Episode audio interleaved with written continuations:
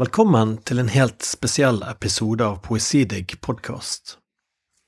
Jeg er usikker på om det blir flere bøker, jeg er veldig sliten, sa dagens gjest Nils Christian Moe Repstad i et intervju etter utgivelsen av den monumentale boken Wunderkammer i 2016, en bok som brakte ham en nominasjon til Brageprisen.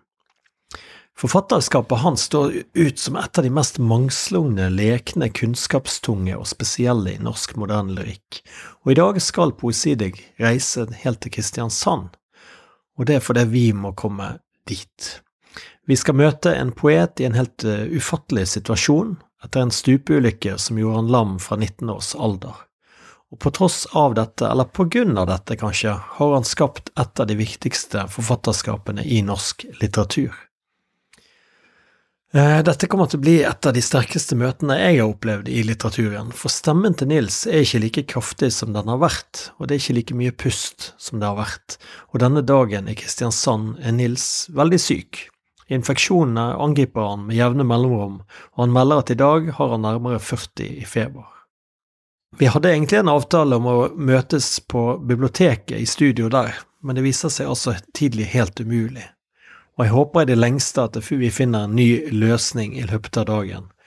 Og bare noen timer før flyet skal gå tilbake igjen, så går det likevel. Um, det kommer en telefon, og med en knapt hørbar stemme som spør om jeg kan komme til leiligheten hans. Og jeg løper gjennom byen for å rekke å få en time med Nils før jeg må hjem igjen. Assistenten hans slipper meg inn, og jeg setter meg ved vinduet med utsikt til en lekeplass for barn. Og så hører jeg Nils komme, eh, og han ser på mange måter ut som en million dollars. Han er kledd opp i dress, solbriller, og spør om jeg vil ha en drink. Vi setter oss ned, vi prater, og etter en halvtime så er vi klar, og vi begynner samtalen. Det er veldig fint. Mm.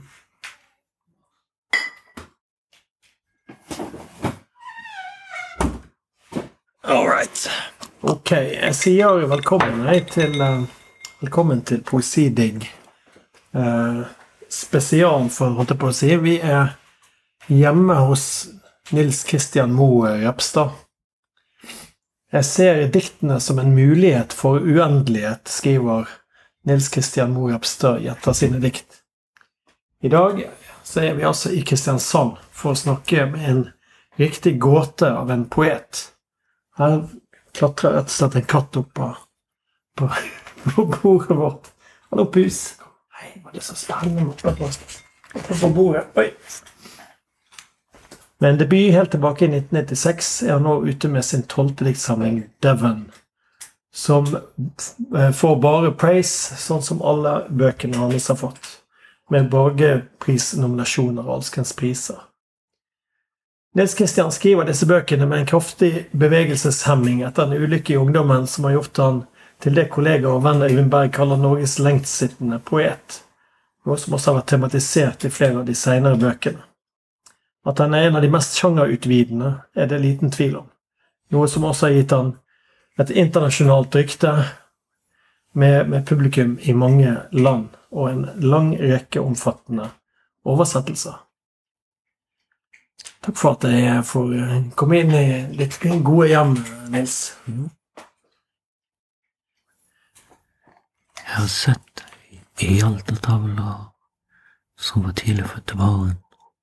Ringer, ringer i kirkeklokker, kirkeklokker men jeg hører ingen svar, og sånn skal vi erobre verden, erobre verden, for de som synger, for de som synger, med øynene, med øynene, for å høre det de en gang så. Ja. Kjempefint. Kjempefint. Så jeg lurte på om vi kunne rett og slett komme inn litt på dette med hvor språket kommer fra. For det er jo noen eh, diktere jeg har hatt på Poesidik som har ja, har skrevet fra de var, fra de var små barn, på en måte, eller de har lest fra de var små barn. Men for deg så kommer jo skrivingen senere i livet. Ja. Eh, vil, du, vil, du, si hvor den kommer fra, på en måte? For det er jo ganske En konkret periode av livet. Jo, den kom i det vi var um, Vi var glad i å lese, eller jeg var glad i å lese. Har en tendens opp til å bruke meg selv i flertall. Kongelige vi. Ja, ja. Mm. Vi var jo strengt opptatt av idrett, eh, stå på ski og klatring. Alt mulig som var Alt annet som var farlig. At konsekvensen av det måtte bli noe. Det Ja. Jeg hadde litt uh, vilt ungdomstid, sånn sett. Så Men uh, uh, vi ble vel alvorlig opptatt av å lese i 16-17 års alder. Mm. Og etter ulykken så begynte jeg vel mer eller mindre å skrive for alvor. Satte vel inn den første diktsamlingen som tar om, som jeg har fått sitt fornøyd med ennå. Um, som vel ble ja, vel refusert fire-fem ganger. Blir å gjøre litt med det. Så hadde først kolon, så tok den, så tok Askøyden etter. Eh, Så kom Torleif ned personlig. Var ganske morsomt, fordi at han hadde også uh, hatt en sånn ischias-operasjon som gjorde at han, at han ble totalt lammet. Mm. Og var da på Sønne sykehus. Så han visste, visste, visste ikke noe om min situasjon. Så han kom ned på en uh, avtale og møttes på en kafé. Da var vi mer eller mindre en klikk. Traff hverandre ganske Ganske uh, Ja. ja. Altså, det ble en veldig god kontakt. Mm. Så vi må takke til veldig, veldig mye. Og han håper ikke vi har tatt mer kontakt med han de siste årene. Ja. Men Går det an, eller tenker du at skrivingen kom som følge av ulykken, eller altså, ville den kommet likevel, eller, altså, eller var det det at det åpnet seg en, en rom en refleksjon? Jeg tror det åpnet et rom, ja. Mm. At eh, vi måtte Det var en uh, historie hvor uh, Sunnaas sykehus, og det var uh, de som var de store heltene, var de som på en måte måtte ha det samme som oss, men Mm. eh, strengt tatt uh, skulle klare på en måte litt det meste. Mm. Det var en historie, og det var en som brukte en time Mm. på å skrelle en appelsin. Mm. Og da tenkte jeg at dette er jo helt abnormt unormalt. Alle sto og klappet og Mm. jublet. tenkte jeg som så at faen skal skje når man kommer utenfor? Det er vel ingen som bryr seg om man skal skrelle en appelsin eller ikke. Så Så vi hadde og Jeg hadde jo med flere redskaper som Da skriver med og drikker med og noe sånt. Mm. Brukte vel to år til å håndtere Mm. alt mulig av vanlige instrumenter. Ja, ja. ja det, det skjønner jeg veldig godt. Ja. Men eh, det går ikke utover selve skrivearbeidet. Altså den, den fysiske begrensningen går ikke utover altså, tastaturbruken, eller, eller gjør det også det? På en måte, eller er det um, skal man si Jeg bruker mest uh, iPad eller Mm. telefon Ja, og hiver på TV-skjermen. jeg skjønner. Og da er det fingrene på en måte som Bruker fingrene til å skrive. Det var jo en revolusjon når den eh, touch uh, touch-greia kom for oss, for da slapp, slapp vi å bruke Unnskyld, litt forkjølt. ja. Slapp vi å bruke taster på vanlig, uh, ja, ja. vanlig Mac. Så. Skjønner. Neimen, det Mm. Ja. Nei, men det forstår jeg. Forstår det. Nå er det, nå er det gått fire år siden eh, Wunderkammer eh, kom ut. Og forrige gang det gikk fire år mellom to samlinger, så skjedde det noe radikalt, føler jeg, i forfatterskapet ditt. Jeg tenker da før av eh, Før utgivelsen av eh, Teori om det eneste, eh, der du gjør et virkelig sprang. Eh, Kan du fortelle litt om det som skjedde den gangen? Nei, det var helt vilt, egentlig. Vi pratet med Sigurd Henningen, så sa at jeg skulle prøve å skrive ja, 200 sånne korte trelinjers dikt. Men så bare utvidet seg linjene med lengre og lengre og lengre og lengre. Ja, så endte jeg opp i den gigantboken, og det har vi stort sett slitt med. Ja. Konsekvenser i etter det, med mye sykehusopphold og sånt. Ganske morsom historie. Vi har en livlege som skal takkes eh, for mye av det vi har gjort. Mm. Han står vel til nesten som vi har hatt i 20 år. Mm. Og han eh, har plukket oss opp fra gulvet et utall ganger. Mm. Så han fylte oss opp med antibiotika og morfin og sårtabletter og alt mulig. Så vi klarte å noen ganger holde det gående i et par døgn. da. Skriving. Ja. Så jeg husker tydelig at vi vi eh, tok en prost, som jeg pleier å si. Vi tok kontoret med i sengen. Så vi satt herifra i januar til mai. Skrev Fire måneder i sengen. fire måneder i sengen. Vella med bøker rundt. Og det var en kveld vi skulle ha middag, og da kom en av assistentene inn med maten. Så tok vi et par skjeer, så sovna vi. Og så kom han inn, og.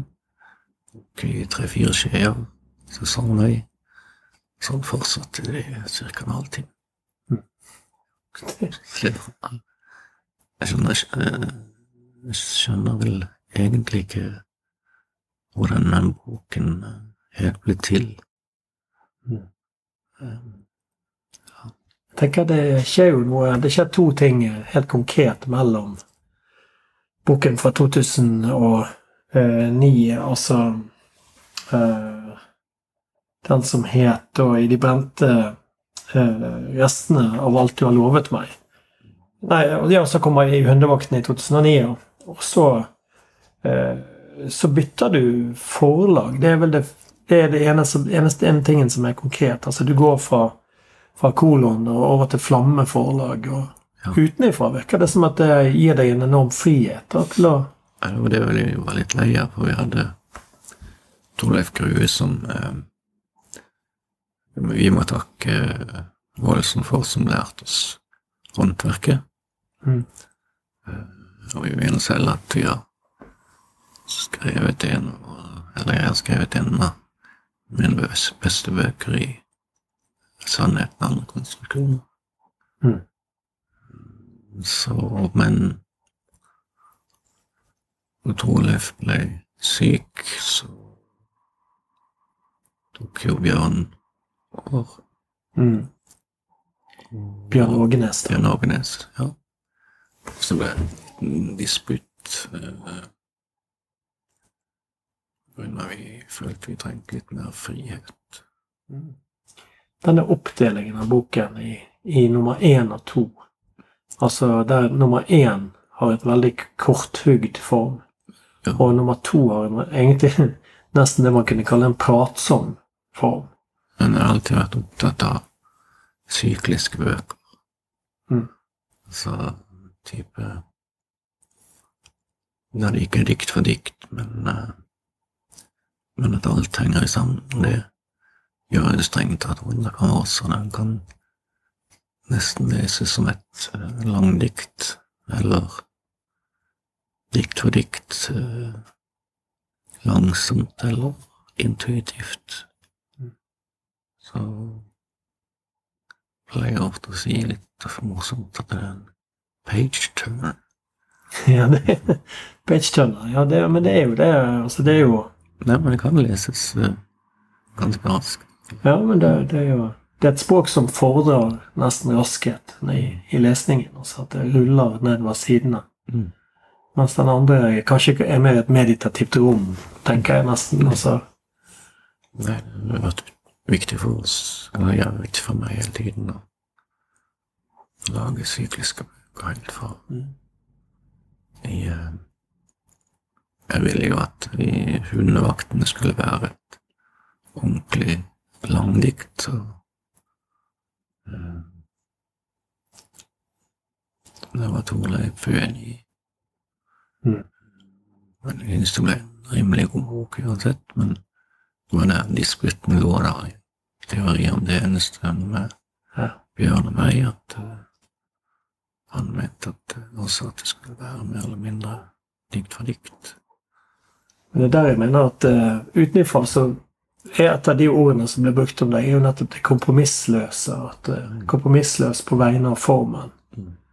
Uh, Det viktigste er jo så vidt å prate om denne boken, som er, mm. som jeg prøvde å beholde uten eh, noe særlig type referanser. Ja, Devon, eh, som da kom nå i, Mm. i for rett og slett et par uker. Jeg fikk den i posten for to dager siden. Så, og den er jo også syklisk. Altså Det begynner jo med Mm. The White Cliffs of Devon. Ikke Dover. og så står det på siste side Og det var det jeg hadde å fortelle Mm. Om The White Cliffs of Dover. Nei, det er Devon. Devon, ja. Sånn omtrent at skal, skal være Uttømt. ja, Dover, Ja, Verlin. Jeg lagde min med den. ja, ja, ja. The White Cliffs. Dover. Men det er jo anmeldere som har prøvd å finne linker mellom det. altså de, I din forrige I Wunderkammer eh, et sted så står det Så står det jo eh, rett og slett uh, følgende Altså I, en, i et lite mess. vers. Gi meg en disse, en sigarett. En sigarett. Jeg skal finne den. Jeg skal bare lese den. eh. Jeg er overlevende. For 360 millioner år siden, i den devonske perioden, var jeg et tre meter langt amfibium. Ish- Ishtjog-steger, overgangsarten, den første som svømte i vann, vagget opp på land og kunne puste. Eh, Det er, så du var jo inne på det devonske. Var det sigaretten du tenkte? Ja. ja. Flerret opp, Ja. på en måte.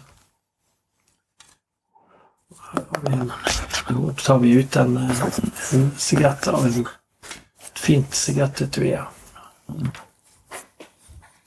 Skal vi se Ja, og den. Nydelig. Men eh, det virker jo eh, Altså, Devon eh, åpner jo veldig eh, Jeg vil nesten si fryktinngytende eh, med at Med dette diktet om om lyset som kommer, som kanskje er døden, altså morgenen. Det er en, eh, det er en sterk måte å åpne en Mm. Jeg sjøl som har, har dødsangst, kjenner på, kjenner på det. Den eh, angsten for å gå og legge seg, rett og slett. Ja. Det er mange som uh, liker det diktet. Så det, det bygger jo egentlig på Dylan Thomas. Ja, ja. Rage, rage against the dying of the light. Vær forsiktig når lyset forsvinner. For mange av oss dør når morgenen kommer, så vær forsiktig når morgenen kommer. Kanskje er døden lyset. Er anmelder i Blad, en veldig fin, eh, fin eh, anmeldelse var Johannes Grytnes. Han skriver at det er nesten umulig å vurdere om diktene er gode eller dårlige. At det er bare én metode å møte dem med, og det er hengivelse. Altså man må bare gi seg over til, til ordene. Det er bare en ting jeg har undret meg om du om du føler det samme med ditt materiale når du skaper det. Altså, er det lett for deg å se hva som er av Altså av verdi, på en måte. Hva, hva, du kan gå videre med, og hva du kan forkaste. Når du er liksom inni den strømmen. Det er kanskje litt vanskelig. Det er jo akkurat det som er problemet hele tiden. At man Hva er godt, og hva er dårlig? Hva er fint, eller hva er pent, og hva er ikke pent? Mm jeg har jo en, en veldig kjent bok som heter The Artists, som uh, tar for seg hele renessanseperiodens uh, malere. Og strengt tatt så er det jo sånn at uh, når den reformen i den i altså, vår kirke kom, så kasta de ut alle ja, haltetavler og, hele ting. Mens det motsatte skjedde med oss katolikkene.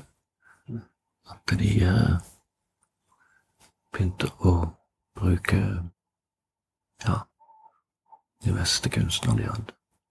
Mm. Så hva som er pent, og hva som er ikke pent. Det er veldig vanskelig å bedømme. Mm.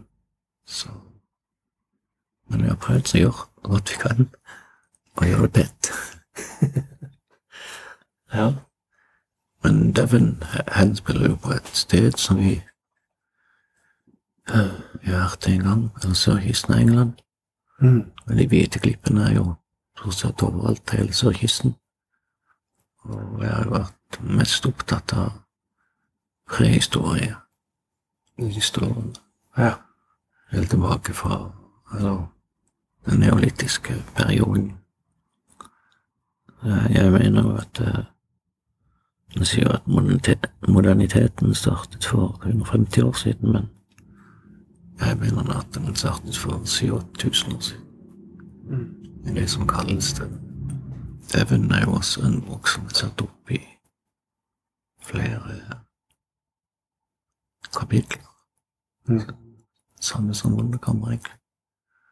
Wunderkammer var veldig vanskelig fordi at jeg måtte mer eller mindre holde i hodet opp til 40 dikt.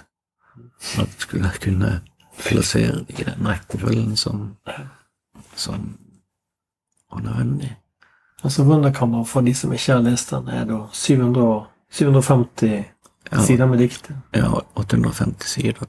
Sånn. Ja. Så det er jo et eh, gigantomant eh, prosjekt, men uh... ja.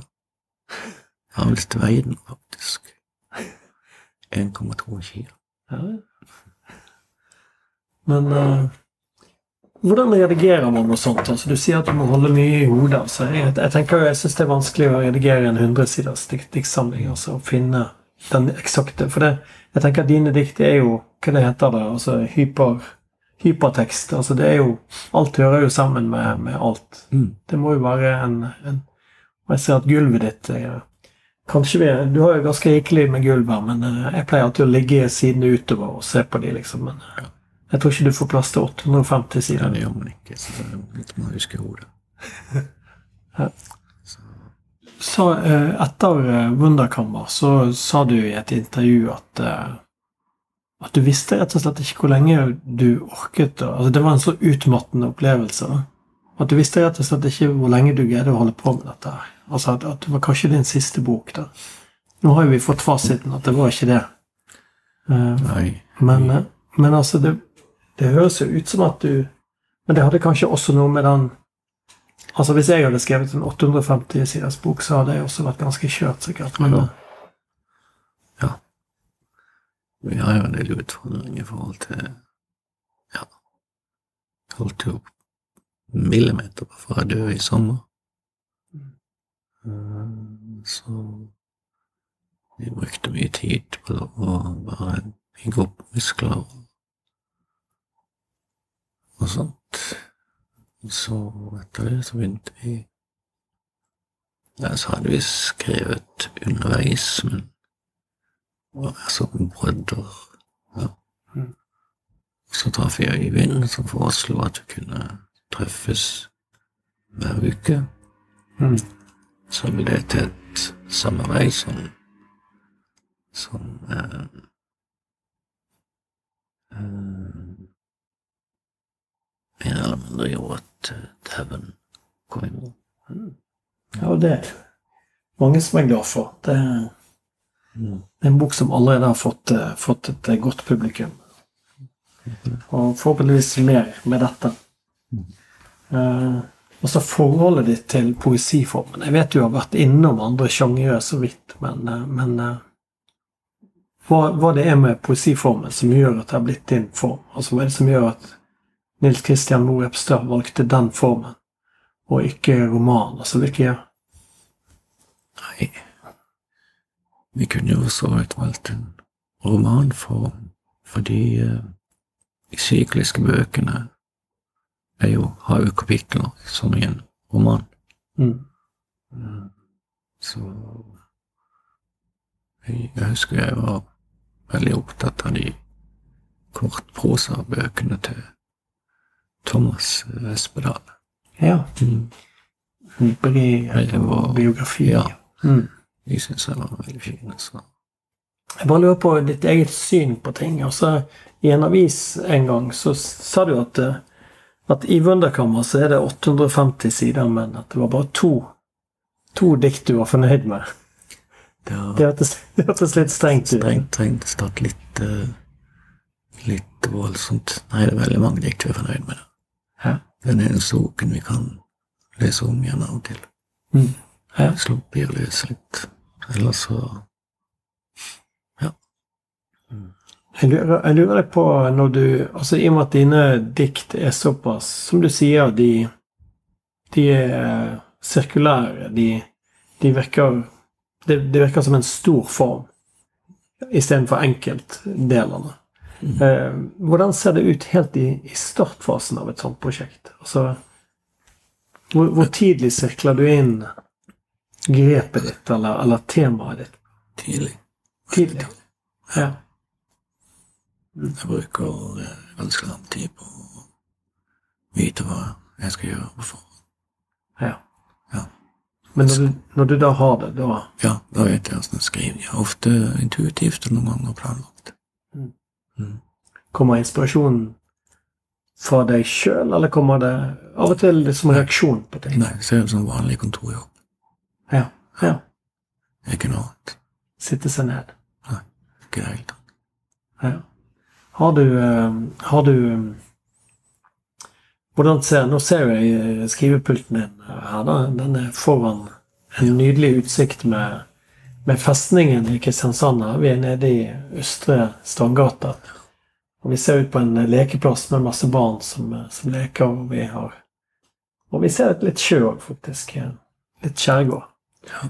Så, så Men, men selve kontorpulten din, den, den ser relativt ordnet ut i forhold til Det kan hende du har ryddet når jeg kom, da, men Ja, nå I en skriveperiode så pleier det å ligge litt, litt flere bøker rundt omkring. ja. Men vi har jo Ja, jo ja. Det er jo ikke å si alle forfattere har mange bøker, så Mm. de har et utvalg av de som er der. ja. Men i ditt tilfelle så er det vel kanskje betimelig å spørre hvor mange bøker som ligger på bordet til enhver tid, for det Vi har vel rundt 6000-7000 bøker, men har gjort et utvalg her nå. mm. Men vi bruker jo ofte bøkene når vi, mens vi skriver. Mm. Og har eh, Og nå for tiden, så mens vi har vært litt dårlig form, så er det ja, mye dokumentarer. Og Mm. på YouTube som, som, er mye fantastiske dokumentarer og, Mm. og lesninger fra havet, det gjelder overalt. Mm. Ja. Så det burde flere ta seg tid til å oppdage, for det er et vell av fantastiske dokumentarer. ja.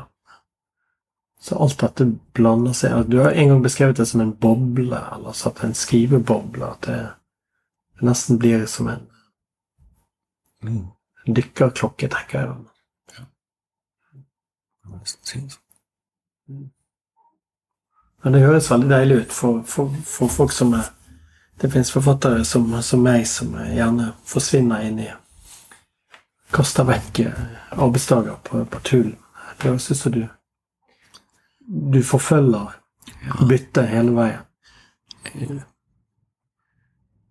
Altså, vårt mitt, mitt problem er jo at jeg, jeg kjenner jo de fleste kirker og mausoleer og alt mulig rundt omkring i Europa. Hatt dimensjoner og alt sånt, men får ikke reist der selv. og Det, det, Mm. ettersom årene går mer og man blir eldre, Mm. så er det festet en voldsom melankoli over det. Mm.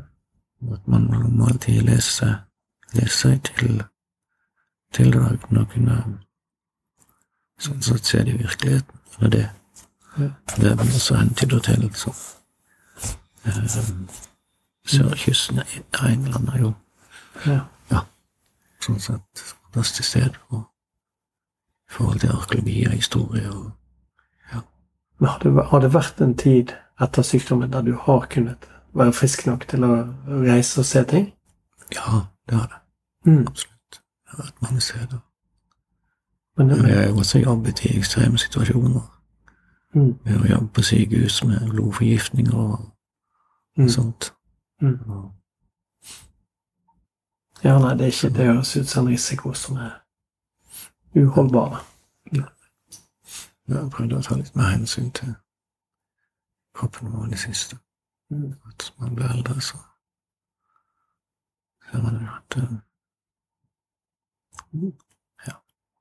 Ta vare på både omgivelsene og Vi har jo sånn sett viet vårt liv til litteraturen.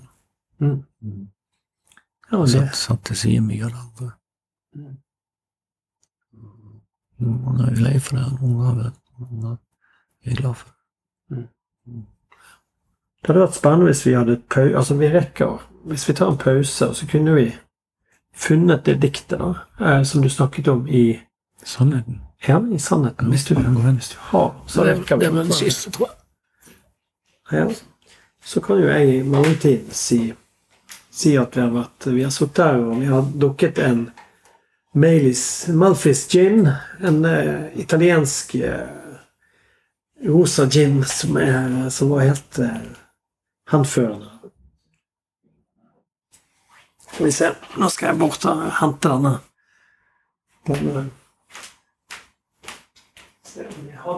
på Vi fant aldri det diktet i bokhyllen. Kanskje jeg var for stresset i forhold til flyet. Kanskje Nils var helt kjørt etter den lille timen vi hadde sittet sammen. I ettertid er det rett og slett helt umenneskelig å tenke på den viljen som har krevdes for å skrive disse bøkene under disse forutsetningene. Etter å ha hjulpet Nils tilbake i sengen, måtte jeg til slutt løpe ut døren til en ventende bil som brakte meg til Kjevik flyplass. Og på flyet hjem så fant jeg det diktet til slutt, Gertrud Stein-diktet, og leser det her for dere til slutt. Stein. Det er ikke fordi byen utvider seg, eller fordi kirkegården kan fortelle om de døde, men i Notre-Dame sitter Gertrud og sier at når du gir fuglene bokstaver, er det andre som kan gi døden form. Hun sier navnene på gravsteinene og georginene, og hver stavelse åpner seg, mens du teller årene og klokkeslagene som du står opp med om morgenen og legger deg med om kvelden.